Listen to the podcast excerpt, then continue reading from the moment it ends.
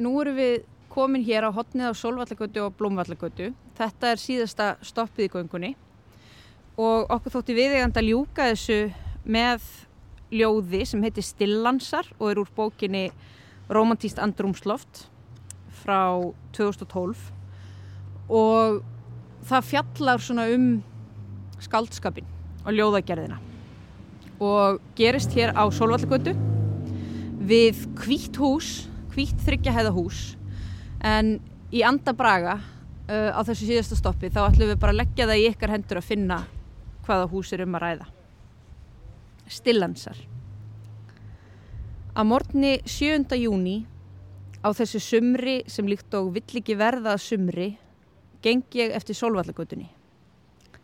Og ég geng fram hjá húsi sem ég hef alltaf hrifist af en aldrei fyrir nú láti reyna á hvort einhver orð fremur en önnur hendi til að lýsa. Því núna er verið að spröyta af veggjunum kvítamálinguna með háþrýst í dælu og í kringum allt húsið upp eftir öllum þremur hæðunum hafa verið reistir vinnupallar úr áli.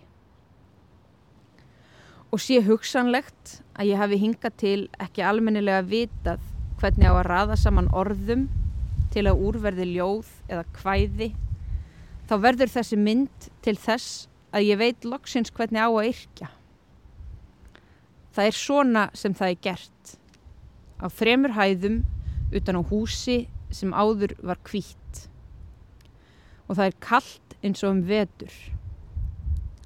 Þar standa þeir á pöllunum, þrýr menn, hver á sinni hæð.